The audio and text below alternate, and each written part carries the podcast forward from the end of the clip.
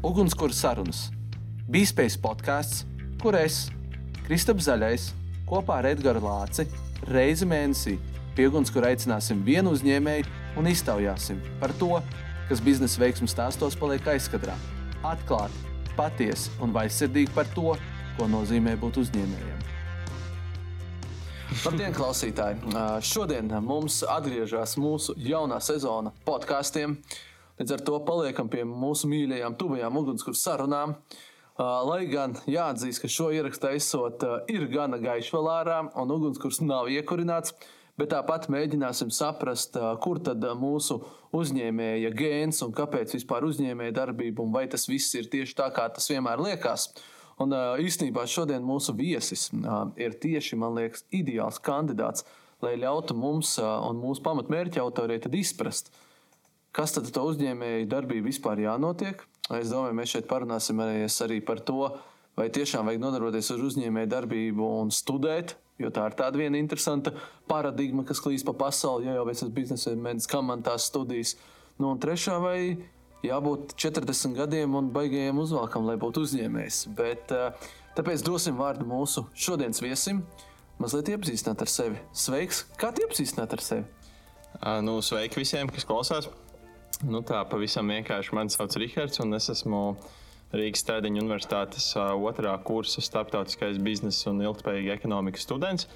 Un, no, tā nu ir sanācis, ka brīvajā laikā es spēlēju arī basketbolu Stradiņa Universitātes komandā. Un pēc vidusskolas beigšanas atvēru arī savu uzņēmumu.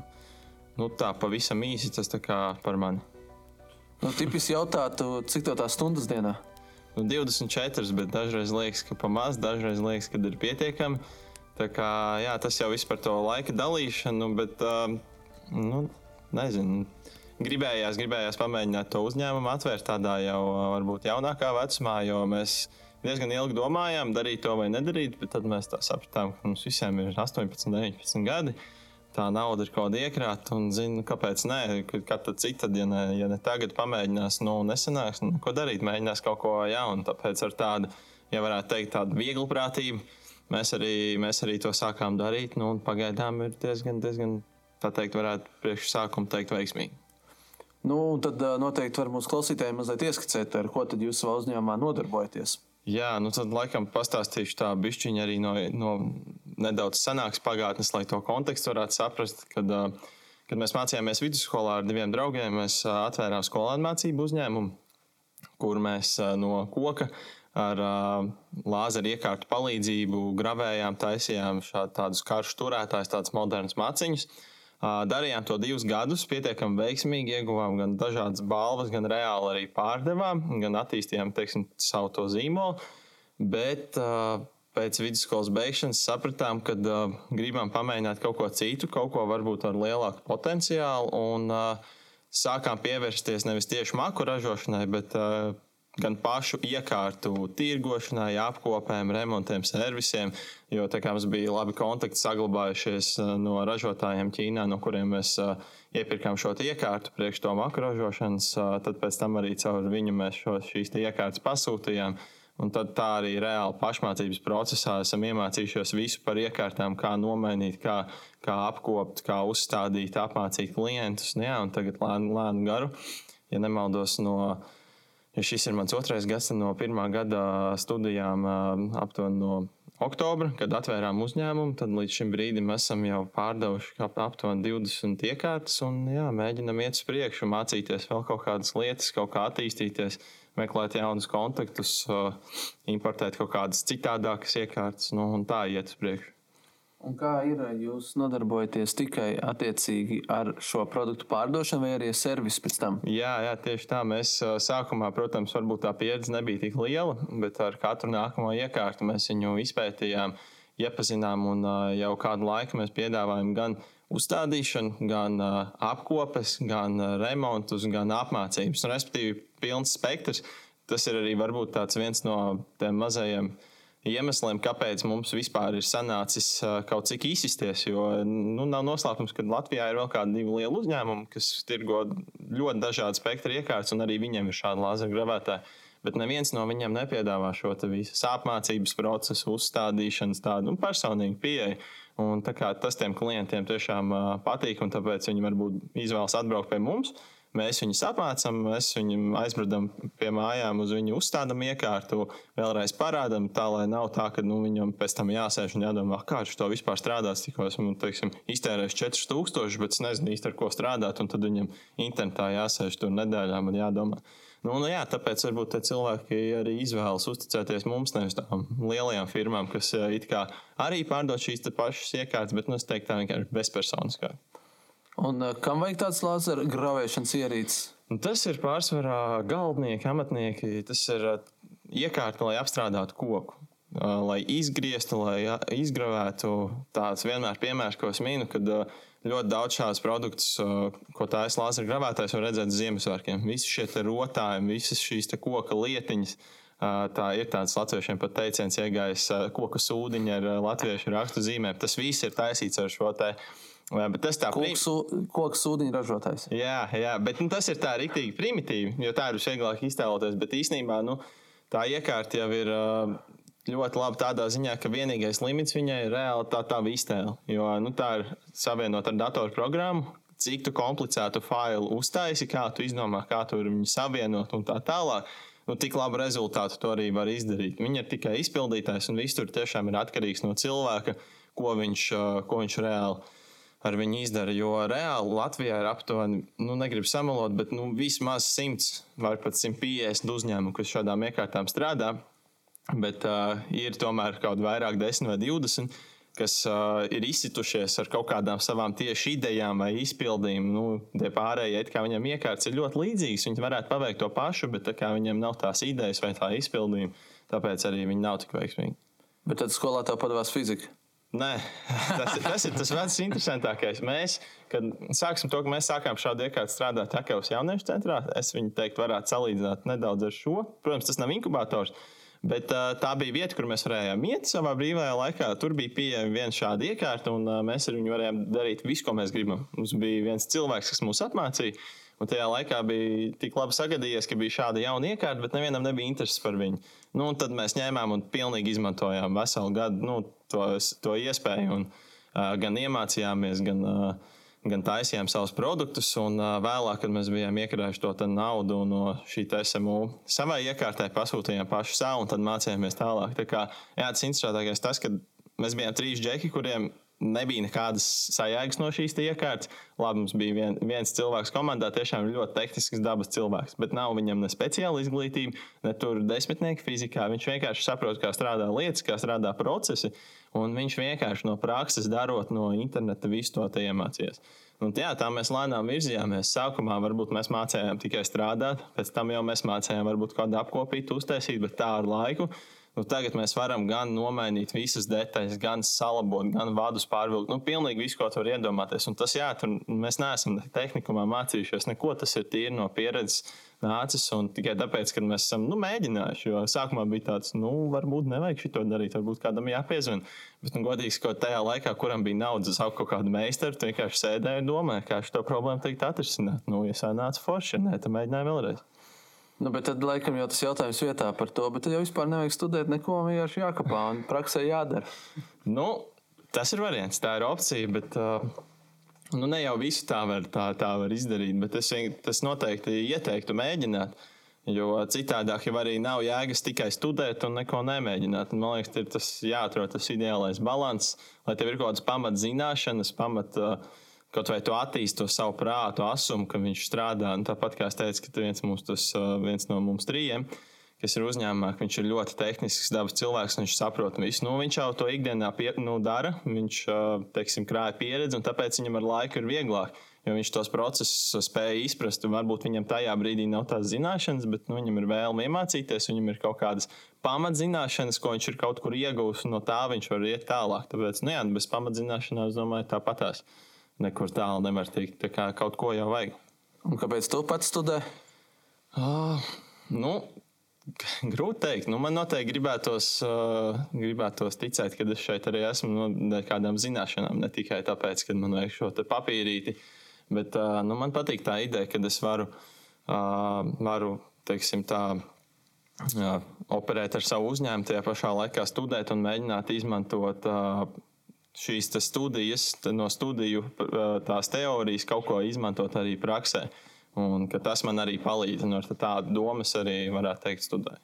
Ir kāds tāds praktisks piemērs, kas liekas, nu, uzreiz nāk prātā par to, nu, kas ir studēts, iztestēts un strādāja vai nestrādāja, whatever, bet nu, tā ziņā dzirdēju, pamēģināju, vai cool.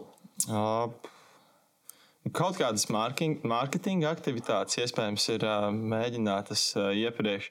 Un tad vēl vienkārši tāda pamata pamat saprāšana par to biznesu kā tādu, nu, kā tas viss strādā. Un, lai, kā teiksim, uztaisīt kādu biznesa plānu, lai izvērtētu to ideju. Vai, jo, teiksim, kā jau teicu, sākumā mēs varbūt diezgan viegli prātīgi to visu sākām un ļoti daudz nedomājām, sanāks vai nē, jo mēs vienkārši zinājām, nu, mēs gribam pamēģināt un viss. Uh, bet pēc tam, jau, kad tu dari to visu, tad tu vari ar laiku arī panelizēt, uh, nu, kāpēc mums varbūt sanāca, kas bija tas, ko mēs piedāvājam, kāpēc no mums nopirkt, nevis no citiem, un tad saprast, kas bija tie plusi, kurus nākotnē varbūt vajadzētu paturēt, un kas ir tās lietas, kas varbūt cilvēks satur no pirkšanas no mums un ko vajadzētu uzlabot. Vēl pieminēja tādu faktu, ka nu, savā laikā, kā skolēns, uzvarējāt gan daudz balvas. Jā, bija, bija tāda lieta. Tas jau bija sen, ja tā varētu teikt. Bet, nu, tur toreiz mēs diezgan uh, daudz spiedām uz to kreatīvo, jo uh, nu, mēs taisījām šos karšu turētājus. Un, uh, tas kā tā bija tāds priekš Latvijas diezgan liels jaunums. Uh, pasaulē tādas lietas jau bija, tomēr Latvijā nekas tāds nebija bijis. Tad mēs vairāk teiksim, uzspiedām uz to, ka tas ir dabīgs, jo tas ir tie, tieši, tiešām tikai tur bija koks un gumija. Nekāda plasmas, nekāda Plus vēl tas, ka uh, cilvēki vienkārši nāca un skatījās, kas tas ir. Viņš vienkārši viņam ir interesants, jo viņš nekad dzīvē neko tādu nav redzējis. Mēs mēģinājām to produktu taisīt tādu estētisku un skaistu. Mēs izmantojām daž, dažādus tos koku materiālus, ne tikai no Latvijas, tur parasto ozolu vai liepu, bet gan no visādiem Brazīlijas lietu mežiem. Jo varbūt liekas diezgan eksotiski, bet to visu Latvijā var dabūt un nemaz nepatīk dārgām naudām. Un, to, Un tas uzreiz tiem cilvēkiem iedod tādu interesi par to, ka tavs produkts tomēr ir tāds estētisks, skaists un uh, nostrādāts. Un uz to mēs mēģinājām spiest. Jā. Nu, kā ir tās balvas iegūt, uh, ir uzreiz tur, uh, kā saka, deguns mākoņos, tur pasaules karalis.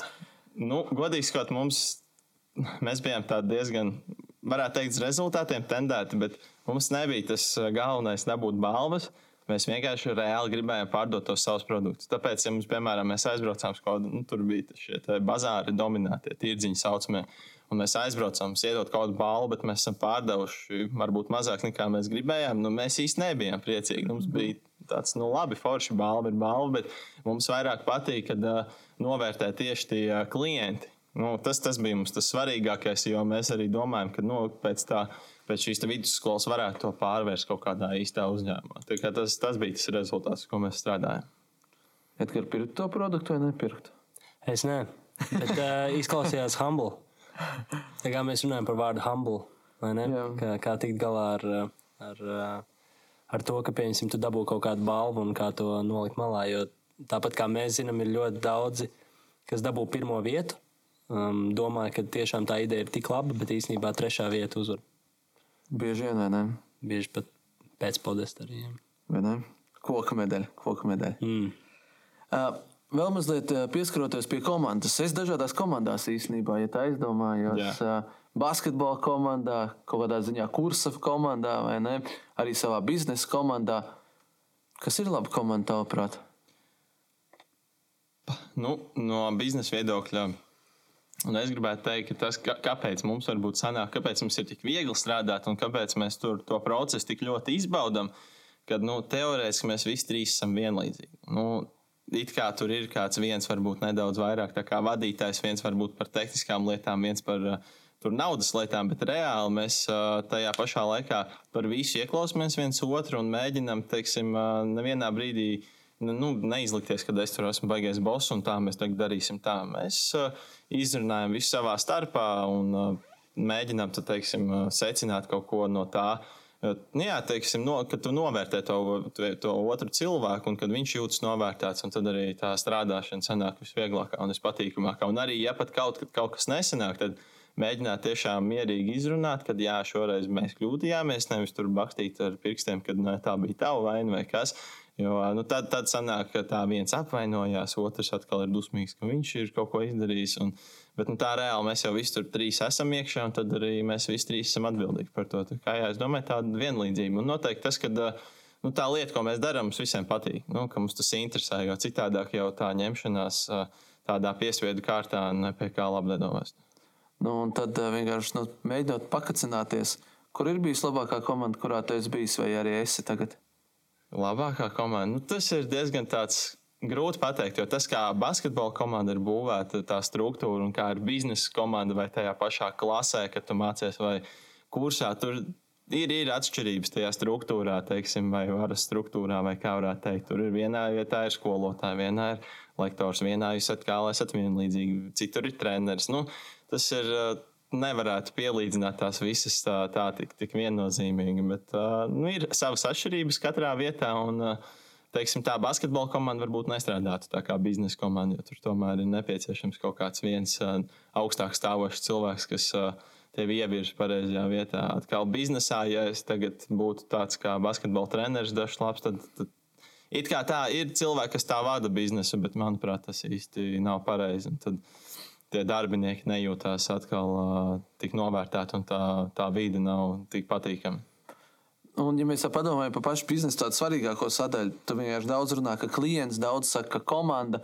Nu, kas tev liktos, ir tas stūrakmenis, tomēr jādomā par savu klientu un ko viņš, viņš grib un jādara viņam šī personalizētā pieeja, pirms jāprūpējas par savu komandu. Nu, ir tāds teiciens, ka internetā vairākas reizes to redzējis, kad uh, sākumā ir jāparūpējas par saviem darbiniekiem, tad tie tavi darbinieki parūpēsies par taviem klientiem. Un varbūt tā kā manā komandā nav darbinieki, mēs visi esam vienlīdzīgi, bet uh, visi trīs uh, tādā ziņā, ka, jā, ka nu, mēs viens par otru, teiksim, uh, varētu teikt, tā ir tā parūpējamies, uh, mēģinam visu darīt korekti, un tad arī patīkamāk strādāt ar klientiem, mēs zinām, ka nu, mēs, teiksim, nu, ja mēs viens otru pret kā izturamies, tad mēs tāpat arī pret to klientu, un tad būs viss kārtībā. Bet jūs visu laiku komandā esat bijuši tie trīs arī. Kā sākāt, tā arī tagad esat tie trīs. Vai ir mēs, kaut kas mainījies? Mēs bijām četri. Mēs bijām četri. Tā vienmēr viss tā saka, reiz bija četri. Viņš nedomāja vienlīdzīgi vienkārši. Nē, nu tur jau tā negribu tā baigi teikt, bet nu, īsumā varbūt nedaudz nesakrita mērķi. Cilvēks nebija plānojis tik daudz iesaistīties, un es neko viņam par to nevaru pārmest, jo tas tomēr bija skolēnu mācību uzņēmums, un mēs priekš skolēnu mācību uzņēmumu nu, darījām vairāk nekā prasīts, jo mēs gribējām kaut ko.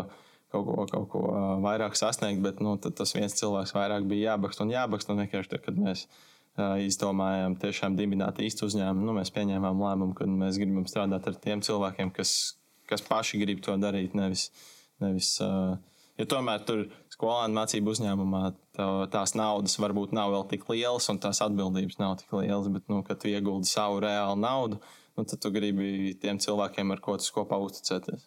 Mm -hmm. Un, kā ir, nu, ja mēs tagad skatāmies par cilvēkiem, runājam, nu, tev būtu iespēja uzaicināt divi, trīs cilvēki uz vakariņām, trīs vakars pēc kārtas doties uz vakariņām, ar cilvēkiem aprunāties, kurš būtu tavā trīniekā?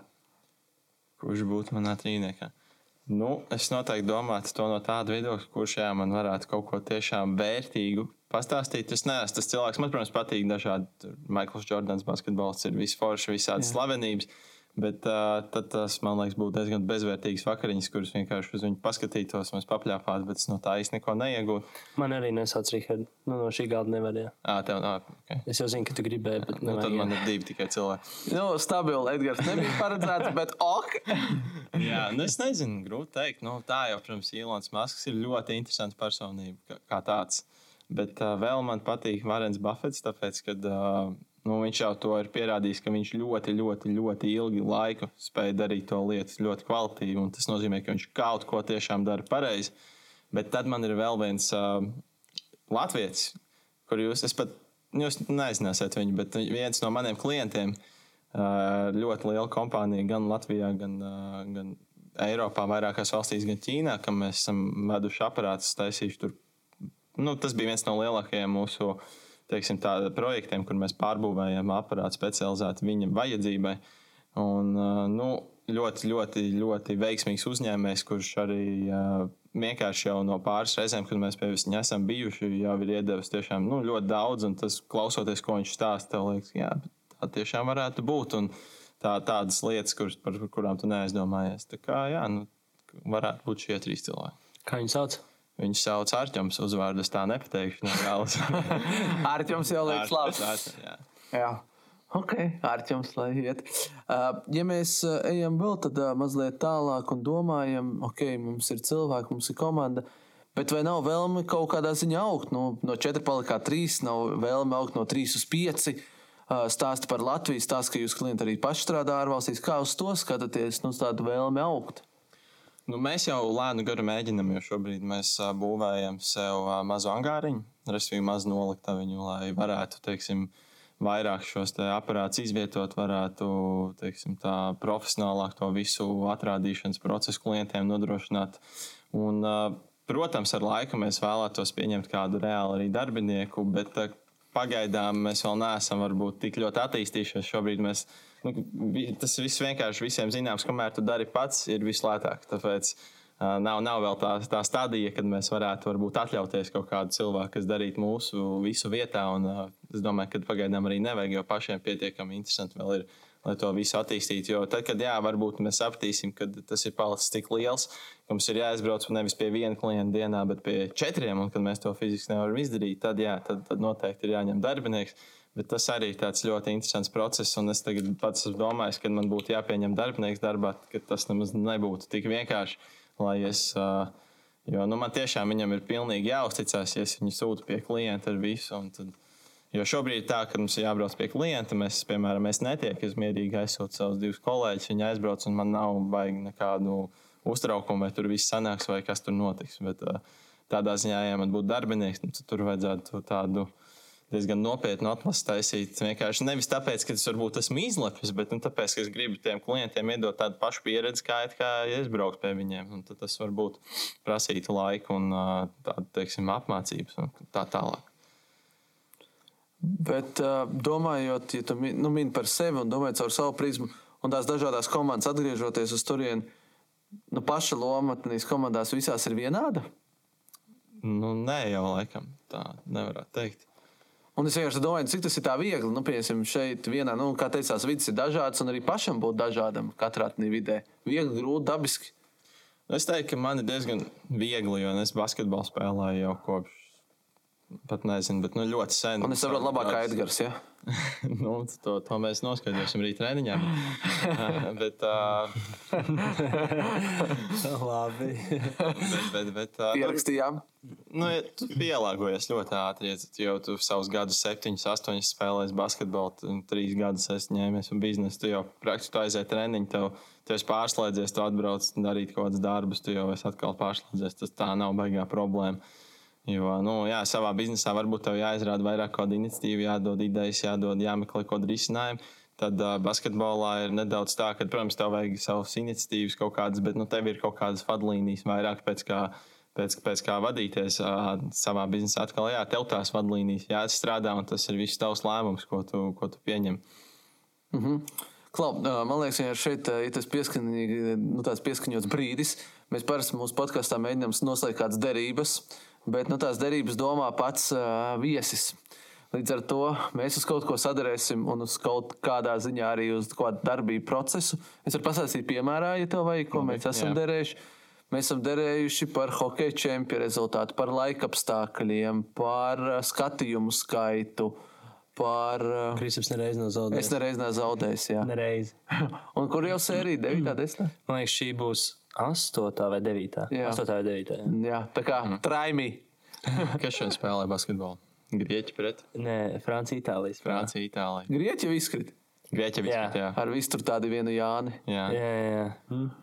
Nu, Francija, Itālija. No, Itālija ir mana favorīta. Viņa tā kā neskaitās par stiprāku. Viņa tāda underdogs, varētu teikt, skaitās. Nu, bet... Bērs, es saku, atrisinās jautājumu. Ja? nu, tad es domāju, mums, mums, ir, mums ir viss sarunāts. Okay, nu, par ko? Par ko jā. Jā. Nē, tad vienojušies Francija, Itālija, Edgars neizšķirts. Teikt, jums ir jāiedod piemēru, kāda tās likmes ir parasti. Jā, nu, mums ir bijis visāds. Tur uh, ir visādi ēdieni, nu, tur Mēnesis saldējums, pīcis. Jā, Tāds vēl nav bijis. To mēs gribējām ierakstīt dzirdēt. Nu, tur ir laivā, laivā video. Bet, jā, nu, pamatā tas ir par uh, ēdienu, dzērienu, ir par kaut kādu izaicinājumu. Pēc tam nezinu, kad otram tur ar kiteboardu braukt vai vēl kaut kas tāds. Bet uh, nu, tāda līmeņa. Kaut kas man skriets, tirnu buks bija arī. Es domāju, mēs ā, varētu kaut kādu, teiksim, man ir Itālija, tev ir Francija, kas tur mums tāds. Tā tad, respektīvi, ja zaudēju es, es to pērku franču krosānu. Un tā ir kaut kas, kaut kas, kas ir pīcis. Ne? Nu, Tas jau nav Salčuks īsti sal... saldējums. Ir Jā. Itālijā. Nu, Vai ne? Jā. Okay. No man citā saļķuks, no tevis franču bageti. Jā, Jā, jā. Okay. Rīgardam garšojā saldumu, viņš cukuru ēd vienkārši pakāpē. Nu, tāpēc jau pietiek tā laika, ka viņš ir cukurs arī un tas kā maziem. Zini, ka cukurs arī tas viņš ir. Pēc desmit minūtēm. jā, jā. Skaidrs, kāda ir Rihardā veiks formula. Es te sākumā prasīju, bet tev viss Viņš jau negribēja teikt, jā, es jau Jā, jā, saprotu. kautrīgs. Jā. Jā, es drīkstu vienu jautājumu. Tikai vienu. Nu, ne, vienu. Protams, var vairāk. Nē, Es vienkārši, tāpēc, ka es esmu dzirdējis, bet arī man interesē pašam, tā kā, kā ir tad, kad tu esi jauns uzņēmējs. Pilnībā, un tev nav baigā saprat, saprašana, droši vien tu arī visu nevar zināt, kā ir kaut kādiem kurioziem gadījumiem un kaut kādu nu, izveidošanu. Tu jau nezini visu, gan papīra darbus vai kaut ko. Uh, jā, nu, protams, ka mēs nezinām. Es tev vienkārši kurjos pateikt, ir tā, ka, uh, lai ko tu darītu, nu, ja tu esi skolā, nu, tu kļūdies, nu, kas notiek? Nu, tev ieliek sliktu atzīmi, tev varbūt vēlreiz jāraksta. Ja tu kļūdies šeit, tu vēl cārā maku, maku un maksā. Un tas ir uh, viss, kas tev ir jāzina. Tāpēc tādā ziņā tev liekas, ir forši izlemt pašam, bet tad, kad tu nopelni, ir forši.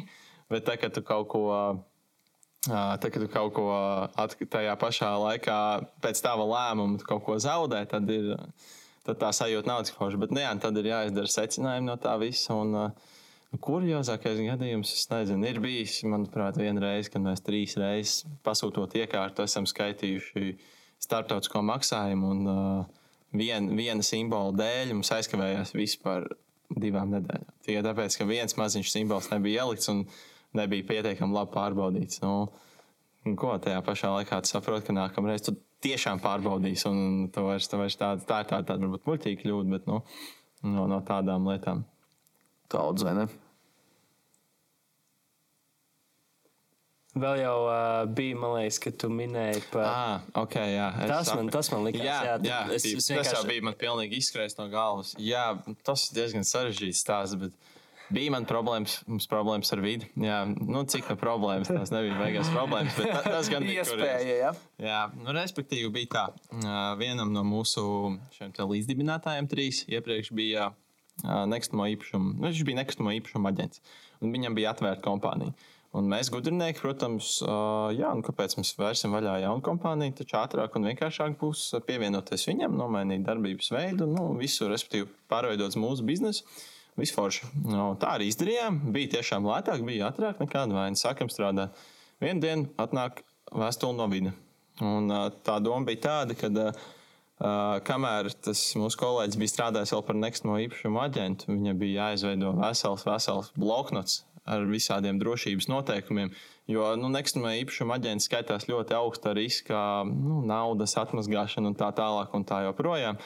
Es to precīzo terminu tagad nepateikšu. Un, nu, jā, nu, beigās viņi pieprasīja mums šo visu visu paketi ar šiem dokumentiem uz 150 lapām aptuveni. Mums bija jābrauc pie viņiem, viņus, viņu dzīvē atrādīt. Un tad jā, mēs aizbraucām. Uh, es nezinu, tā vai skaļi var teikt, bet mums bija tie dokumenti. Iespējams, mēs viņus uztaisījām iepriekšējā vakarā, bet iespējams arī nē. Bet viņi mums bija tajā dienā, kad mums bija jābrauc uz vidi. Tad mēs aizbraucām, mūs ielika tādā mazā bunkurā. Uh, bez logiem, nu, tāda nopratināšanas kamera, tikai tāda glauna, jauna smuka. Un tad jā, divas sievietes skatījās jautājumus, jautājumus pētīja šo grāmatu un tā tālāk. Bet nu, viss jau bija kārtībā, jo mēs jau ar to nekustamo īpašumu tirdzniecību nenodarbojāmies. Vienkārši tas darbības uh, veids bija palicis kaut kādas nedēļu, kamēr mēs viņu bijām noņēmuši, un tāpēc viņi mums pieprasīja šo. Un viss jau bija kārtībā, bet, nu jā, bija šī nervus tajā brīdī paktināja, ka tev izsauc vidus pārunām, un tev ir jā, viņām jāuzrāda milzīgs, milzīgi paketi ar dokumentiem. Tad viņi tiešām katru lapiņu izskatīja. Tad man bija jāraksta paskaidrojums par visu situāciju, kā tur tas notika, lai arī rakstiski tas ir. Un tad viņi aizgāja prom uz kaut kādu stundu, un mēs divi tā tur sēdējām un gaidījām, nespējām, kas tur notiek. Tad viņi atnāca apkārt, pateica, ka viss kārtībā, mēs aizbraucam mājās. Bijāt priecīgi. Jā. Uh, es domāju, ka nu, līdzīgi ar to jau Edgars, ko tu jautāji, bet uh, kā ir ar tādu, nu, tādu stereotipisku uzskatu par tādu jaunu uzņēmēju? Vai tu ar to saskaries vispār vai nē? Nu, zini, ko tad šitais zaļš frukts, kā es zaļais varu teikt, nu tā, vai ar to tev ir nācies saskarties, nu kā jaunam uzņēmējam gados? Uh, godīgi sakot, īsti nē, jo visi cilvēki, kas pie mums ir atbraukuši, skatīties vai lāzers vai ko, viņi vienmēr, nu, vismaz cik, nu, varbūt neviens to skaļi nesaka, bet, nu, uh, likšos ļoti saprotoši. Un, uh, viņi jau varbūt sākumā, varbūt pirmais tas iespējas viņiem ir tāds, nu, kā tad es tagad pirkšu to iekārtu, tas džeks tikko vidusskolu pabeidz. Bet tad, kad viņiem sāc visu stāstīt, rādīt, un tad, kad viņš saprot, ka, jā, bet nu, viņš, to, kad viņš tos džeks tās lietas saprot, ka tu nodemonstrē varbūt kaut kādas tās spējas un tā tālāk, tīpaši, ja tas cilvēks varbūt nav saskāries ar tādu iekārtu. Un tad, tad, tad viņiem nav jautājumu, tad ir viss ļoti kārtībā. Un, Ļoti interesanti, ļoti daudz arī gados jaunu cilvēku pērk tās šīs iekārtas, un, teiksim, 23, 24 gadi, un tad vispār nav nekāda problēma. Viņi atbrauc, un tad tas kontakts, teiktu, ir pat vieglāks, jo es esmu jaunāks tieši, ja es būtu vecāks, varbūt būtu nedaudz, jo es jau viņu saprotu kā tādu, es zinu, ko, viņam, ko viņš gribēs pajautāt, es zinu, ko viņam izstāstīt, lai viņam ir vieglāk. Un, Viņi to varbūt ļoti novērtē, jo viņi zina, ka jā, nu, viņi aizbrauks uz kādu lielo kompāniju. Tur varbūt būs džeki uzvalkos, nu ne uzvalkos, bet kaut kādos kostīmos. Bet, nu, viņi iedos viņam to aparātu un teiks, paldies, pārskaitiet naudu un varat braukt. bet, nu, Un tad viņi saprot, viņi atbrauc pie mums, mēs viņam cilvēcīgi visu izstāstām, palīdzam, aizvedam. Paliekam tik ilgi, kamēr viņš tiešām saprot, un tad, arī, tad viņam nav jautājumu par to, kāpēc mēs esam tik jauni. Mm -hmm. Un, uh, Es domāju, nu, mums ir tāda vēl, vēl viena sadaļa, ko mēs parasti mūsu podkāstā darām. Nu, attiecīgi, mēs atdodam tev mikrofonu kā jautātājam, un attiecīgi tev jāuzdod jautājums, ko mēs ļoti labprāt atbildēsim. Tā kā praktiski atdodam tev uh, vadības mikrofonu. Tā tad tas ir tāds abiem reizē jautājums, jo nu, es, es pajautāšu, un tad jūs sapratīsiet. Tā tad, okay. kā, jums, kā jums liekas, vai pabeidzot bakalauru, uzreiz ir vērtīgi iestāties maģistrā? Vai tajā pašā laikā labāk pamēģināt iegūt kādu reālu, tā teikt, skilu vai kaut kādu pieredzi, un uh, tad ar šo pieredzi stāties maģistros. Nu, Edgars, gribi sākt vai man sākt? Um, es varu sākt droši vien. um, es uzskatu tā, ka maģistrs nav nekas ļoti sarežģīts, lai nevarētu apvienot. Līdz ar to es uzskatu, ka kamēr vēl ir arī svaiga galva, kamēr tu esi jaunāks, ir vieglāk bišķiņi iemācīties, varbūt pavilkt uh, multitasking, ja tā drīkst teikt. Un tad, attiecīgi, nu jā, es uzskatu, ka tikko tu pabeidzot bakalauru, tev tu esi tā ieskrējies un var arī, man liekas, pabeigt to maģistru. Un es tā kā teicu, maģistrs jau nav tā kā bakalaurs, tev nav jābūt katru dienu universitātē. Un es uzskatu, ka ir jāuzreiz Es uzskatu, ka uzreiz. Jo pēc tam, tieši pēc tam tev pavērās tā iespēja. Tu esi, tu esi izgājis skolu, pamatus kaut kādus, ko tev obligāti lika iziet, kaut arī tur bieži nemāc to, ko tu gribi, vai nemāc to, ko vajag, un tagad tā izglītības sistēma mainās. Tad tu esi izgājis augstskolu. Paralēli to augstskolē es sapratu, to, ka dzīve gluži nestrādā kā augstskolā to sāka, un tad tu sāc arī praksē jau to visu mēģināt. Un tad tev ir iespēja beidzot to praksē izdarīt. Un, un tad, ja, ja kādreiz gribās atgriezties, tad jau var vai nu vēl vienu maģistra grādu vai, vai, vai doktorantūru, ja ļoti gribās, bet tas jau ir tāds ekstra. Man, liekas. man nu, no tādas personīgas pieredzes, man liekas, ka kamēr ir vilkme, ir jādara. Nu, tā ziņā, ja tev ir vilkme, tad dari. Ja ir baigā nu, tāda pretestība pašam, nu, tad nē, tad visticamāk nevajag. Bet, ja tev ir vilkme, tad dari. Jo, zināmā mērā, to maģistra grādu tā liekas, neliekas, bet viņš šāds, šāds tāds durvis atver. Tas, ka pēc tam dažreiz tu saproti, ka vēl vajag kaut ko piemācīties, vai otru, trešo maģis grādu, nu, tas ir skaidrs, tā bieži gadās. Bet uh, tas tev paver durvis, kas uh, ar to sākam vilkt, nu, līdzīgi teica, uzņēmēja darbību. Zini, kā teikt, viegli riskēt, tur no sērijas nav ģimene, bērni, tur vispārējais. Nu, līdzīgi jau to maģistra grādu. Kamēr tev nav visāda liela saistība, vispār jau ir vieglāk. Un uh, ar laiku pēc tam paliek grūtāk. Nu, vismaz mans tāds viedoklis. Uh, Bet uh, es, es beigtu diskutēt, vai vispār mūsdienās to pietiek ar vienu maģistra grādu. Nu, tādā ziņā, vai tiešām tas, ko tu tagad izmācīsies, pēc 20 gadiem tev joprojām būs aktuāls. Jo es ar vien vairāk, vairāk domāju, ka es vēlos otru maģistra grādu piemācīties. Tagad saprotot to, ko es daru. Vai es desmit, pirms desmit gadiem domāju par tādu otru maģistra grādu, nu tā kā pat ne tuvu. Un, uh, tas man liktos, nu, tā atbildot uz tavu jautājumu. Nu, jā, bet tas otrs maģistra grāds, nu, tajā, tādā ziņā noteikti viņš jāizvēlas vēlāk. Jo tajā brīdī jau tu pat vari domāt, ka tev varbūt vajadzēs, bet tu jau īsti nezini, kas, kas pēc tiem desmit gadiem būs uh, noticis. Jā, jā. Nu, es domāju, izvēlēties to, kas tev šajā brīdī liekas pats aktuālākais. Nezinu, rekom patīk ekonomika, māc tālāk ekonomiku. Pēc desmit gadiem saprotu, gribu piemācīties jurisprudences, piemēram. Nu, man sieva ir pedagoģijas maģistrs. Un viņi arī tagad ļoti domā par otru maģistra grādu. Viņi nevar izšķirties starp psiholoģiju un jurisprudenci. Pieņemsim. Jo viņi saprot, ka tas viņus saistīs, viņi gribētu pamācīties. Man liekas, tas ir forši. Nu, viņi ir savu dzīvi saistījuši ar pedagoģiju, kur viņi iegūto maģistru. Jā, tagad gribās vēl kaut ko piemācīties. Viņi domā par to otru ar tagadējo pieredzi, tagadējo skatījumu. Es varētu pat bišķiņu, op, nu, neoponēt, bet pateikt to, ka man liekas, mūsdienās, um, ja tev ir viens maģistra grāds, ļoti labi iespēja arī kaut ko nu, par cik man liekas, tāda specifika ir ļoti svarīga. Jo pēc tam tu arī saproti, ko tieši tu gribi mācīties. Tad tālāk dažkārt ir iespēja arī vienkārši kursus iziet vai konkrēti kaut kādu vienu lietu izmācīties. Un tas maģistra grāds dažkārt ietver daudz plašāk nekā īstenībā vajag, un dažkārt pietiek ar tiem kursiem. Bet tas atkal ir tāds, nu, jā. Ne, nu redzi, Varbūt kvalitātes tāds jā, arī jo es domāju, daži, tas ir noteikti kvalitātes simbols, nu, ko papīrs tev iedod, un otrs, zin, kā arī daži, es domāju, grib, nu, tādā ziņā rakt dziļāk. Nu, tu teici daudz, no YouTube iemācījāties. Jā. Jā, bet es piemēram, domāju, nu, ja jums būtu iespēja savā nozarē dabūt kaut kādu atzītu cilvēku, nu, tā kā iespēju mācīties ilgtermiņā no dažādiem perspektīvām, es domāju, jūs arī gribētu. Jā, protams. Jā. Un tad tas ir svarīgais atslēgas vārds, lai saprotu, kurā tēmā tu gribi rakt dziļi. Jo, nu, loģiski, maģis ir rakt dziļi. Mm. Nu, tā. Un tāpēc mēs, pieskaries, tu mazliet pieskaries pie doktorantūras. Nu, tā. Bet, piemēram, doktorantūra tas ir pētniecībā ļoti jau dziļi rakt. Bet, uh, man liekas, beigas atkarīgs. Jebkurā gadījumā maģistra grāts, man liekas, beigas nodarīt lietu, ka tev stāv CV plauktiņā, un tu nezini, kad un kā tev tas noderēs.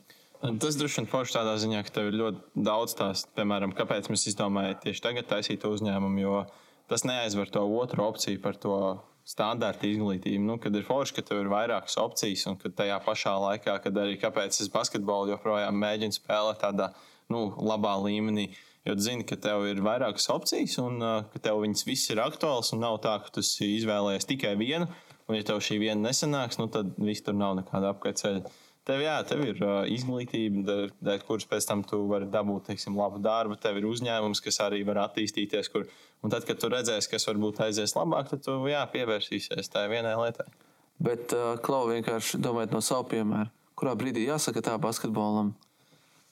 Nu, es nezinu, nu, man tā, tā, tāds mērķis varbūt mazais. Es jau sen nesapņoju par kaut kādu NBA vai ko. Bet, uh, nu, man gribētos uzspēlēt pilnīgi profesionāli vismaz pāris gadus. Nu, Latvijā tas būtu kā minimums. Nu, gribētos, protams, arī kādā Eiropas komandā uzspēlēt. Tas būtu tāds teiksim, mazais mērķis, ja to izpildītu. Tas būtu vismaz uh, puslīdz apmierināts ar tādu savu basketbalu karjeru. Nu, ar profesionāli domāju, tā, ka tev reāli maksā tādu algu. Nu, varbūt Latvijā tur tā alga nav tik.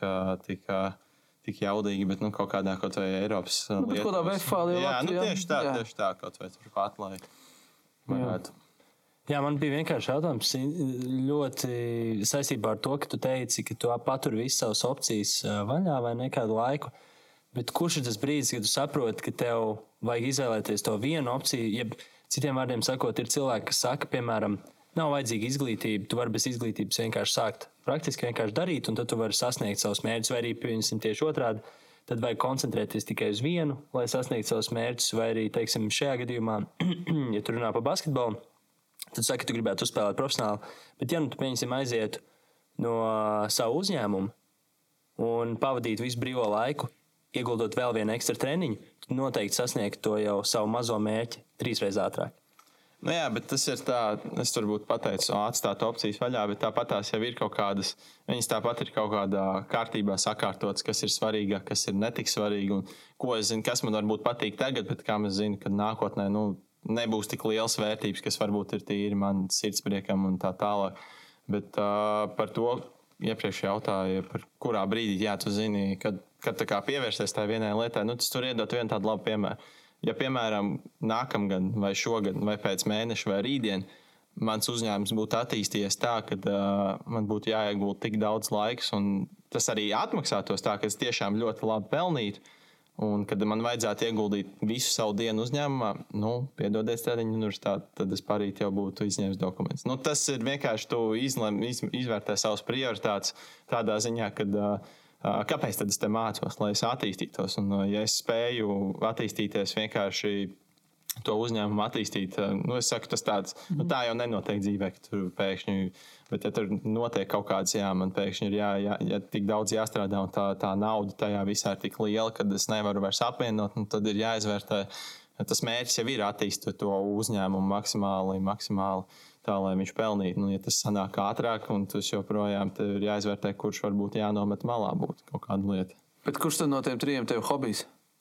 Uh, Vai vispār ir kāds no tiem trim tev hobijs? Nu, laikam jau jāsaka, basketbols, bet nu, tas vienkārši šobrīd mums tas treniņu process un tā, tas viss ir nodrošināts tā ļoti profesionāli. Kad uh, par hobiju jau to vairs nevarētu saukt, bet nu, tas ir tāds sirds lieta. Jā. Nu, es par to īsti naudu nesaņemu. Ok, jā, es uh, saņemu sporta stipendiju, kas ir uh, īsi saņemt to apakaļ izglītībā, bet nu, tā ar to es uh, nepelnu tādā ziņā. Nu, tas noteikti ir hobijs, bet nu, es teiktu, vienkārši tādā ļoti, ļoti augstā līmenī. Mm -hmm. Un uzņēmēja darbība neteiktu. To varbūt tas šobrīd nav tik augstā līmenī, bet tas ir tas, ko es gribētu nākotnē. Tas ir tā, tāda perspektīva, kad es to gribētu attīstīt un kādu dienu vienkārši novest līdz tādam līmenim, kad man ir šīs uzņēmums vai vēl kāds uzņēmums, un ka man nav nepieciešams strādāt vai uh, kaut kur citur uh, teiksim, iegūt šo naudu. Nu, tas man nodrošina jau pilnīgi profesionālā līmenī. Mm -hmm. Bet ko darīt, ja piemēram, te uzņēmums um, nebūtu varbūt klienti?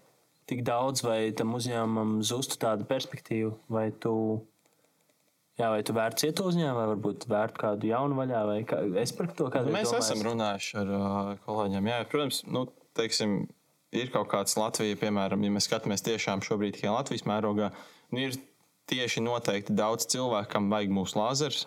Un mēs jau esam ļoti daudziem pārdevuši, un vienā brīdī būs tā, ka nu, viņi būs attēdušies, un tad būs jādomā citas lietas. Un, uh, varbūt nevērts iet to uzņēmumu, bet uh, to perspektīvu pār, pār, pavērt plašāk, uh, paņemt kādu citu darbības virzienu, atstājot šo iepriekšējo, bet fokusējoties varbūt uz kaut kādām citām lietām, kā to naudu pelnīt tajā pašā laikā. Kā, nu, varbūt nevērts iet uzņēmumu, bet noteikti meklēt kaut ko, kaut ko jaunu. Jo tā uzņēmēja darbības doma kā tāda jau mums visiem ir tuva, vai mēs būvētu tos lāzerus vai mašīnas tirgot. Tur atrast, kas visiem patīk, kas mums piesaista, un tad mēģināt atkal to uzbūvēt.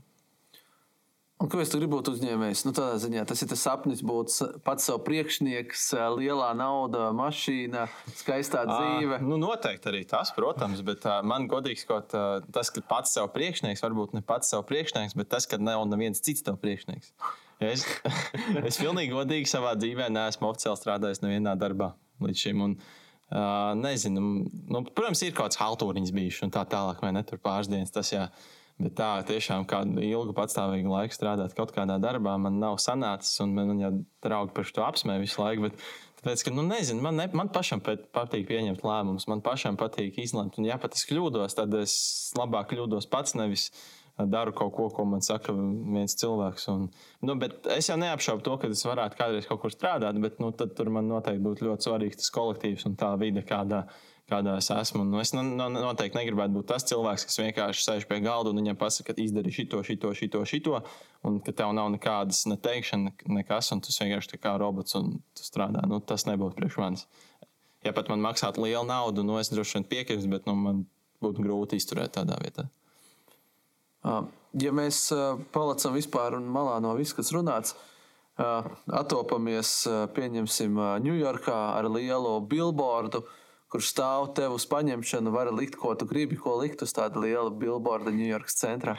À, tas ir labs jautājums, bet es uh, izstāstīšu vienu citu lietu, bija viņa mazākā skēlā, paņemsim vienkārši no dzīves piemērs.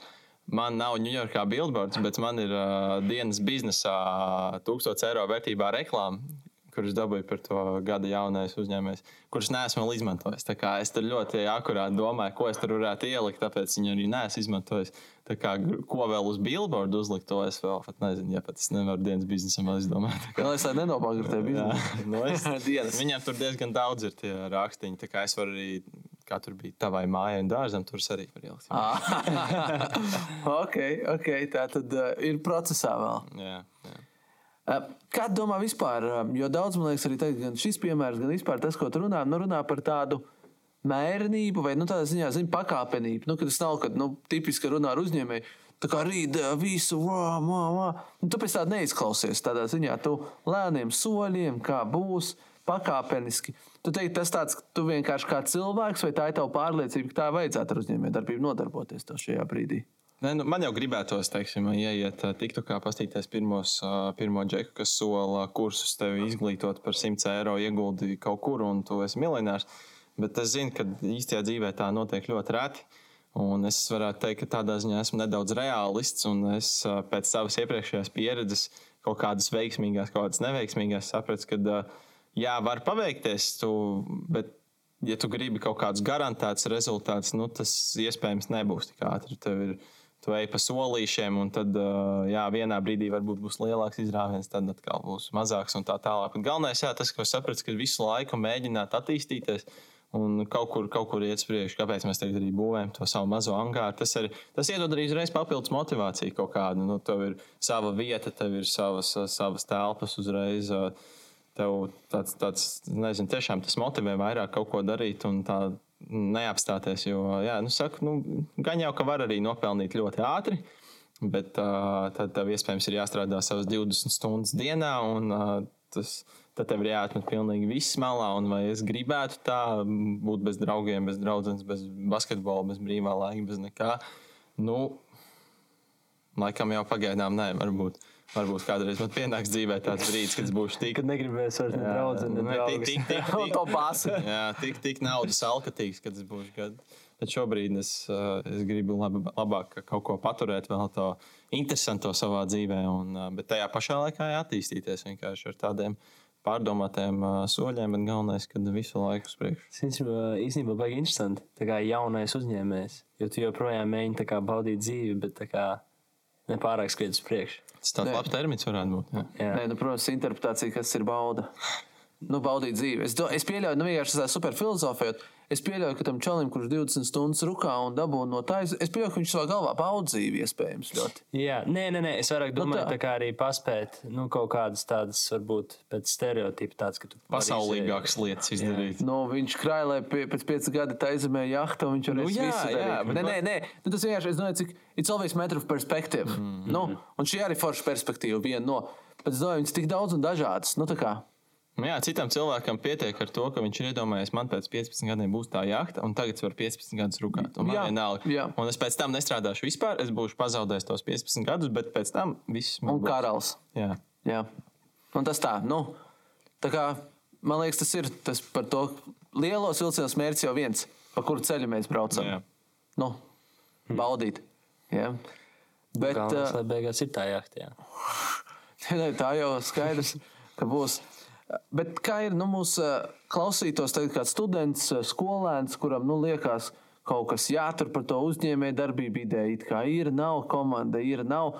Nu, kas tev būtu tāds nu, pilnīgākais ABC, nezinu, basics, ko tu teiktu viņam? Nu, Kad hei, sāc ar šito vai padomā par to, jo nu, tu esi sācis kā jauns uzņēmējs, kā Edgars patīk tev definēt. Uh, nu, vispār vajag sākumā saprast, vai tev tā uzņēmējdarbība kā tāda saista. Nu, jo vienkārši, ja tev ir ideja un tu tagad nu, varētu kaut ko mēģināt, bet nu, saprast, vai tas process vispār tevi piesaista. Jo daudz jau tie lieli uzņēmēji, viņam tās idejas ir viens pēc otras. Un, kā- kāpēc viņš ir veiksmīgs? Tāpēc, ka viņš ir viena nesanāca, nekas ej tālāk, ej tālāk, un līdz, līdz, viņš, līdz viņam kaut kas sanāk. Bet, ja tev tas process saista, nu, tad nu, saku vienkārši mēģināt. Jo tā kā mēs, ok, mēs varbūt apdomājām to visu un ilgi domājām, ka nu, varbūt nevajag riskēt tomēr ar lielu naudu un tā tālāk. Bet tad tu saproti, kā tu uzzināsi, tu nepamēģināsi. Nu, ir, kaut, ir, ir kaut, kāds, kaut kāda robeža, līdz kurai tu vari teiksim, tā, loģiski vai racionāli izvērtēt, šī ir laba ideja vai slikta. Bet ir ļoti daudz lietas tam, kuras tu nevari izvērtēt, kas tev vienkārši ir teiksim, jāpaņem un jāpasaka, nu, nu viss devai maucam. Nu, tas arī viss. Ir vai tev kaut kas vēl gribās ko pētīt? Man ir trīs jautājumi palikuši. Uh, nē, man liekas, nav. Ja kaut kas būs, es jau vienmēr tāpēc iesaistos. Jā, tad uh, kas ir tāds, ko mēs to nepajautājām, bet vajadzēja pajautāt? tur kaut ko par kaķiem. Tur. Kaķi man patīk, suņi arī. Nezinu, varētu pajautāt, kā, kāds ir mans tāds vispār. Nu, es tur gribu būt miljonārs, vai cik vai es tur plānoju nopelnīt to miljonu, vai es gribu būt miljardieris. Nu, kāds vispār man tas uh, redzējums par to visu savu ideālais gadījums, teiksim, tā ideālais scenārijs, kāds tam būtu, ja es tagad kas notiktu.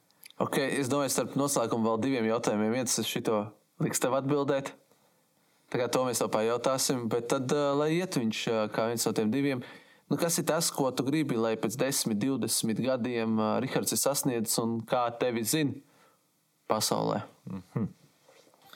nu, jā, kā jau teicu par to basketbolu, tas ir uh, ļoti tuvs uh, mīļš sirdī un visādi citādi ziņā laba, laba lieta, gan, uh, gan fiziski, gan uh, emocionāli. Bet uh, nu, jāsaprot, ka jā, nu, tā sporta karjera nav pārāk gara un uh, to sapni var izsapņot tik tālu, cik tev tie gadi ļauj un vienā brīdī nu, tev būs jāpieliek punkti.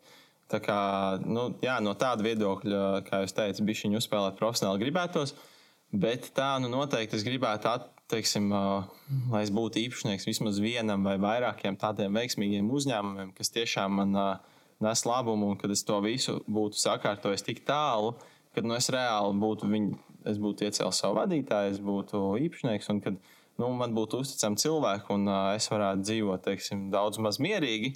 Uh, nu, cik nu var uzņēmējs mierīgi dzīvot, bet lai tas viss ir jau līdz tādam līmenim nonācis, uh, tas pat nav tik svarīgi, vai tur man būtu pasaulē uzņēmums, vai pat Latvijā, vai kas. Protams, liela māja, ātrā mašīna, tā tālāk. Jahtas, jahtas, jā. jā, jā, jā. Bet, nu, jā, tad, teiksim, tā, lai tu varētu dzīvot uh, brīvi, jo vai man būtu nepieciešams tur uh, viens miljards, lai man piederētu, un tur baigās vīles vai kas. Nu, uh, būtu forši, bet uh, nu, ne obligāti. Nu, protams, gribētos kaut kādu savu turības līmeni sasniegt, lai tu varētu justies brīvi, lai tu varētu ceļot, uh, lai tu varētu teiksim, nedomāt par tādām problēmām, domāt par citām problēmām. Un tas būtu, tas būtu tā patīkami, jā, kad pastrādāt teiksim, līdz noteiktam vecumam, lai pēc tam tu varētu nedaudz to dzīvi arī pabaudīt. Es cienīju reizēs komentēju ar divu basketbolu pirms vēl noslēdzošā jautājuma. Kā ir ar šo basketbolu paudzi? Mīl atpūsties tā kā iepriekšējā, vai vairs ne? Tas jau pēdējais līnija. Pēdējais ir tur galvenais, jā. Nē, nu, es teiktu, atkarīgs um, no cilvēka ritīgi. Rītīgi cik, cik uzvarējāt no atkarīgs? Uh, jā, jo tas ir pat cik uz tik jāliek galdā. Nē, vairāk, manuprāt, tas bija tas, ko līdzīgi es, kad klausījos tavā lekcijā, vai ne? Uh, viens students pateica to, ka, nu, parasti jau tie, kas sporto, tie, kas ir kaut kādā nu, basketbols vai kaut kas, viņi parasti nav gudri. Nu, tā.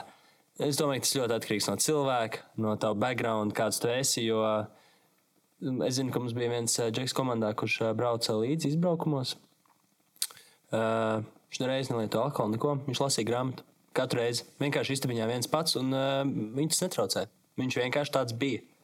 Un jā, ir citi, kam patīk tur tur izklaidēties. Bet, uh, Rītīgi atkarīgs no personības. Un tā ir tā disciplīna. Un, ir, un tagad mūsdienās ir pierādījies, ka tāda cilvēka kā Kambala, kas agrāk varēja tur darīt lietas un izbaudīt lietas, uh, un, un tādi cilvēki, kas tur varēja nākt uz treniņiem bez mazai uh, piedzērušies un dažādās stadijās un, un būt rītīgi superzvaigznes, tad mūsdienās tā vairs nav. Tagad reāli sāka apspēlēt, tie, tie cilvēki sāk palikt tieši aiz līnijas. Uh, Jo rītīgi mainās, strauji mainās. Un nu, ir mūs... milzīga konkurence. Jā, un, jā, jā, un mūsdienu paudzē tieši tie, kas, neko, tie, kas kārtīgi iet gulēt, iet, nu, uztur visu lieto pareizi, un, un, un tie, tie parasti ir tie, kas tagad ir topā. Bet kā ir, ir daudz lietas, ko tu redz, ko tu varētu darīt labāk? Visā visumā? Visā visumā, visums Visā ir viss. nu, ir, protams, ir. Tāpēc es saku, es varētu strādāt vēl 5 stundas vairāk dienā un varbūt uh, sasniegt kaut ko vairāk, bet tad man būtu varbūt, jāupurē kaut kādas lietas, kas man šobrīd patīk darīt. Un, uh, iespējams, būs brīdis, kad sapratīšu, kad ir laiks rīktīgi nopietni pievērsties kaut kādam vai biznesam vai tam vai tam. Un, bet, uh, pagaidām uh, man patīk tas, ka es esmu teikt, atstājis visas savas opcijas vaļā, es uh, visur attīstos. Tad, tad redzēs, kas man tā tiešām piesaistīs uh, līdz galam. Tad arī tur varbūt ieguldīšu to vairāk, to enerģiju un darbu. Kas ir tavs galvenais motivators vai tāds cerības stars tev, nu, tādā ziņā iet tur katru dienu kāpāties, darīt, iet uz priekšu? Kas ir tavs tas zinolīts? Man kolēģis vienmēr stāsta, nestāsta, bet mēs runājam, ir tie cilvēku tipi. Tur ir tas cilvēku tips Rubīns, kam patīk tā naudiņa. Nu, no tāda biznesa viedokļa, laikam, man patīk tā uzņēmējdarbība, bet, ja tur nebūtu apakšā naudas, tad man viņa nepatīk. Tas, es diez vai būtu kaut kāds sociālā uzņēmuma īpašnieks, kas to darītu tikai tīri dēļ tā, ok, es varētu. Ja man būtu uzņēmums, viņš pelnītu, es noteikti varētu iesaistīties kādās akcijās un palīdzēt, bet man vajag to, man vajag to motivatoru. Jā kaut kādu vīziju par to, kā es gribu dzīvot pēc tam un ko es gribu sasniegt. Jā. Nu, tad mūsdienās viss tomēr grozās ap naudu. Un, ja tie visi lielie uzņēmēji saka, ka nauda nav svarīga, nu, tad viņi vienkārši melo. nu, tad jāsaka paldies. Jācer, ka daudz kas spīdēs apkārt tev, Rihards, dzīvē. Un paldies, ka klausījāties, un tad jau uz nākamo reizi satiekamies. Šis ir Rīgas Reņģa Universitātes biznesa inkubātora BeSpace un studentu mēdīs skaļāk veidots podkāsts. BeSpace ir radīts ar mērķi atbalstīt un veicināt inovāciju, līderības un uzņēmējdarbības iespējas RSU studējošiem. Podkāstu vadīju es, Kristaps Zaļais, klausīšanai sagatavoju Andris Trautiņa, Ričards Vasiljevs, Krišjāns Bite un Diāna Surgunte. Klausies mūsu studentu mēdījā skaļāk un populārākajās podkāstu vietnēs - Spotify, Apple podkāsts, Google podkāsts un citur. Ko mēs šeit runājām? Droši seko mums Facebook kontā BeSpace vai arī studentu mēdījā skaļāk.